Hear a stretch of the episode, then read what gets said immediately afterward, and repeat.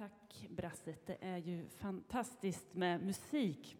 Det slog mig i morse, tänk så mycket sånger och musik som har skrivits genom alla tider för att måla Gud och ära Gud. Som kreativitet, som mångfald. Det nästan svindlar. Och ändå så räcker det inte, utan vi fortsätter och skriver musik och skriver sånger för att måla vår store Gud. Vårt gensvar på Guds storhet är tillbedjan. Vi är skapade att tillbe. Gud längtar efter vår tillbedjan. Och jag tänker att när vi kommer med våra liv till honom, med allt som vi är och har, med våra gåvor och lägger det inför honom så är det tillbedjan. Men han vill också ha det som, som våra fel och brister, det som är lite mörkare i våra liv. Det vill han också att vi ger till honom i tillbedjan. Och jag har fastnat för en sångtext som jag tänkte att jag skulle läsa för er.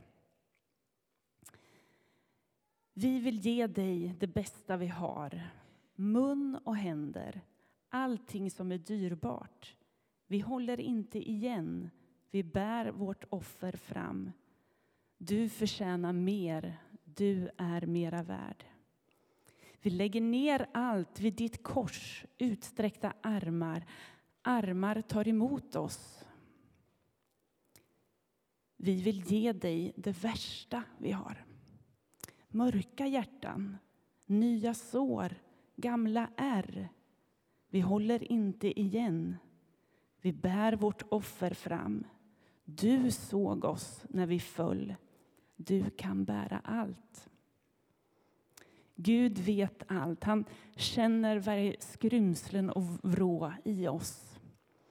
Och vi får komma med även det som är mörkt i våra liv så att han kan röra vid det. Bland det vackraste jag vet är när vi som församling får lovsjunga och tillbe. När vi får tillsammans komma inför hans tron och sjunga om hans storhet. Då liksom suddas gränserna ut. Åldersskillnaden spelar ingen roll. Att vi kommer från olika platser, länder, samfund spelar ingen roll. Att det finns kanske oenighet. Vi får komma som en enhet inför honom och lovsjunga honom. Det är så vackert. Och det ska vi få göra tillsammans nu. Vi ska sjunga Jag vill ge dig, och Herre, min lovsång. Och då får vi komma på nytt med våra liv till honom och ge honom allt som vi är och har och även det som skaver i våra liv. Var inte rädd för imorgon. Han som är, är redan där. Var inte rädd för imorgon. Han som är, är redan där. De orden ekar i mitt huvud. Var inte rädd. Var inte rädd! Kom ihåg det. Glöm inte. Kom ihåg. Minns. Glöm inte. Glöm inte. Glöm inte. Var inte rädd. Var inte rädd. Men jag är ju rädd. En nattsvart rädsla som äter upp mig när jag är ensam. En rädsla som vill komma åt min tanke. Rädslan som blockerar, rädslan som styr. Vem är jag egentligen? Vem har jag blivit och vem vill jag bli? Så många tankar. Höjdräddkänsla, svindlande och nervkittlande. Livsläskiga tankar som hänger kvar in på småtimmarna. Vem är jag? Var inte rädd. Vem är jag? Var inte rädd. Vem är jag? Var inte rädd. Vem är jag? Var inte rädd. Vem är rädd? Var är jag? Precis den känslan. Något som äter upp mig inifrån.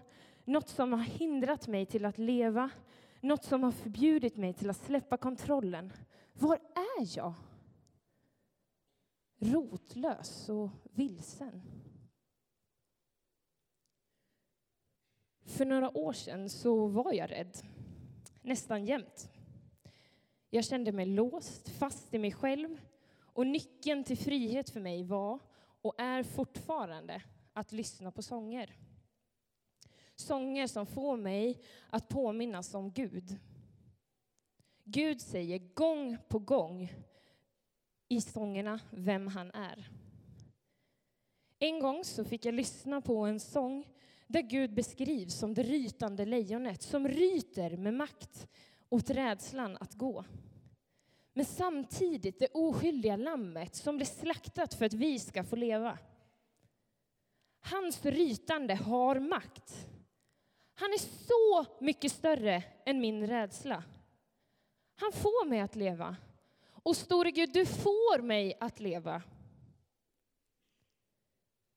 Genom sångerna så får jag påminnas vem Gud är och närma, närma mig tillbedjans kärna. Vilket jag tror är att ge sig själv som ett gensvar på hans kärlek till oss. Med allt jag är och allt jag har så vill jag tillbe honom som har älskat mig först. Med min tid, mitt liv, jag vill släppa kontrollen. För jag vill vara rotad i honom. Han som var före allt, han som är i allt och han som kommer vara nu och alltid i evigheters evigheter. Amen! Han som känner mig rakt igenom, skaparen, vägen, livet, sanningen, sanningen som ska göra oss fria. Han vet hur många hårstrån jag har. Han vet min största rädsla. Och store Gud, men vad är då en människa? Genom att sträcka mig mot honom med allt vad jag är och har så får min oro och rädsla nya perspektiv. Jag får släppa kontrollen. Mina problem blir mindre och hans kärlek blir större. O store Gud, du är så mycket större än min rädsla. Du är så mycket större än mig. Vem är jag? Jag är inte rädd. Fast, stadig, hemma, rotad i din kärlek. Och store Gud, rotad i din kärlek. Var inte rädd. Var inte rädd. Orden som ekar påminner mig om honom som ryter, som låter mig leva. Som älskar, som skapar, som skapat mig och som har skapat dig.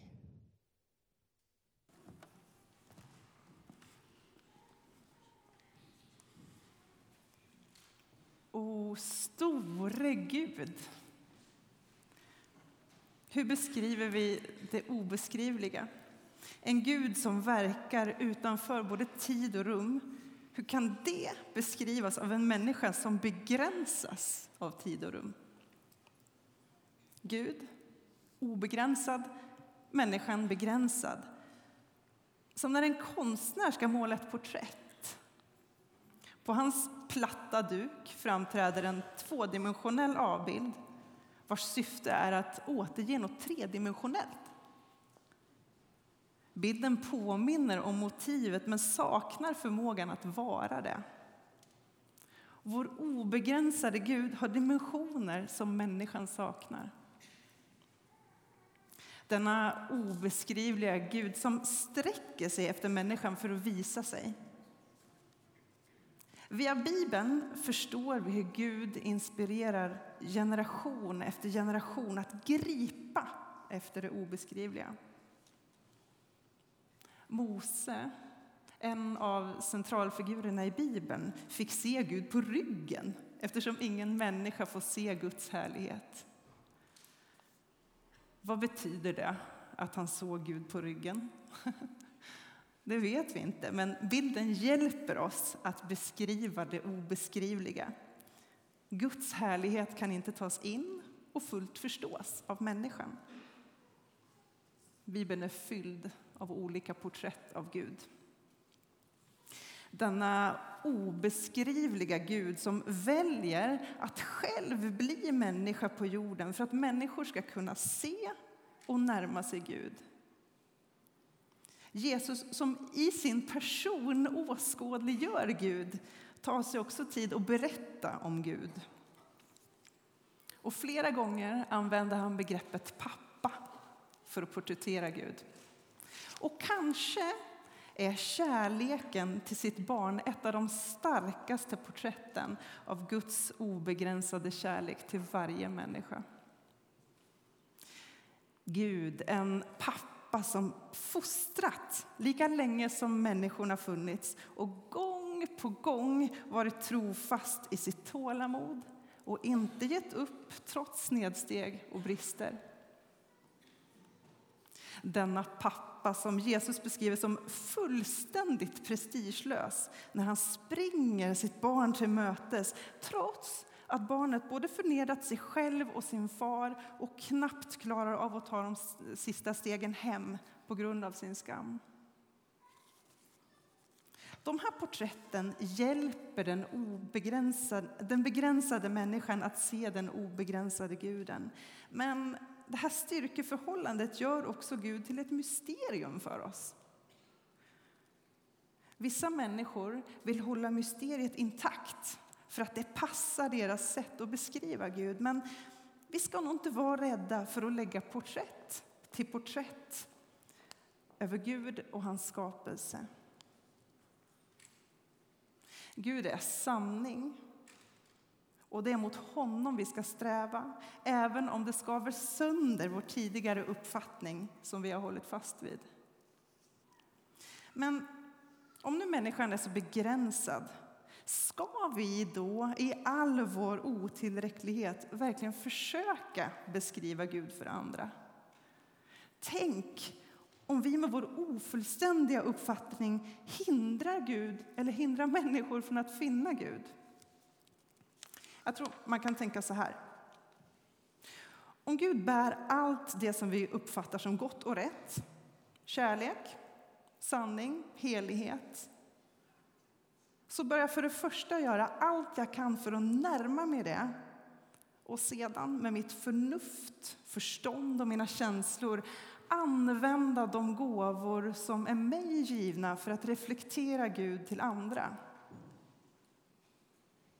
Det är det som är att vara en avbild som du och jag är skapade till.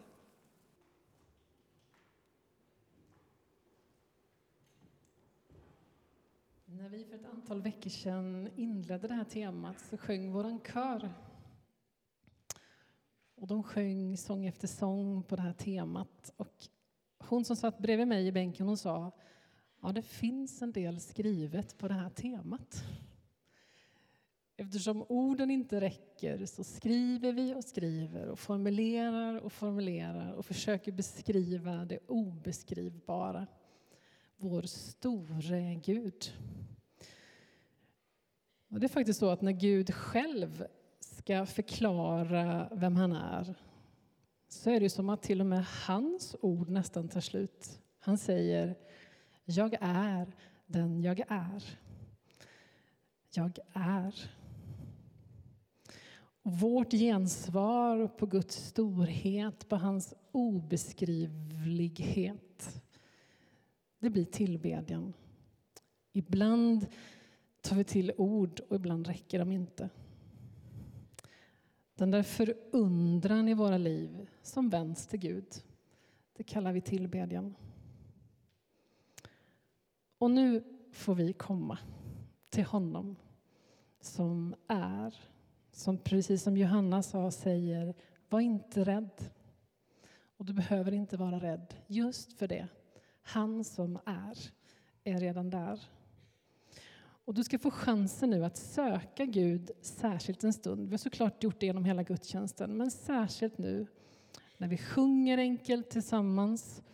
Det kommer finnas förebedjare här på min högra sida, på din vänstra i vårt bönerum där du kan nämna precis det som du har kommit hit med. Var inte rädd, han som är, är redan där. Och glöm inte heller det som Anna sa, eller den här sångstrofen hon citerade. Vi får ge det bästa, men vi får också ge det värsta. Därför att Gud vill ha hela våra liv och vi ger honom allt vi är i vår tillbedjan. De bra dagarna och de dåliga dagarna. Vad behöver du? Den store guden är här. Kanske funderar du sedan förra veckan på hur du ännu mer kan vara hans medskapare, hans medarbetare. Hur du kan vara den här avbilden. Hur du förvaltar det faktum att allt la han under våra fötter. Och hur låter din tillbedjan? Vad är det för ord som finns i ditt hjärta? Vad vill du säga till Gud idag? Allt det där får du komma med när vi går in i avslutningen nu. Och allra först ska du få lyssna till en sång som knyter ihop det här på ett fantastiskt sätt. Och sen sjunger vi också tillsammans. Och du kan när du vill börja söka dig till våra böneplatser. Du kan gå bort till vår världskarta och be för våra utsända, om du vet vilka de är, om du är van att gå hit, eller världen, det som du tänker att världen behöver. Du kan få böja knä, sätta dig, ställa dig inför korset. Jag vill vara med, jag vill vara din medskapare, jag vill tillbe dig. Du kan få be för alla de personer som vi har tänkt på, skrivit namn på lappar i den här burken. Människor som vi önskar skulle få se allt det här. Den store guden som säger var inte rädd. Du kan be för Linköping och du kan också få tända ett ljus borta i vår ljusbärare för en särskild situation som du liksom känner börda för, som du haft med dig hit. Och så finns våra förebedjare. Men vi lyssnar nu till sång och sen sjunger vi tillsammans och vi är inför Gud.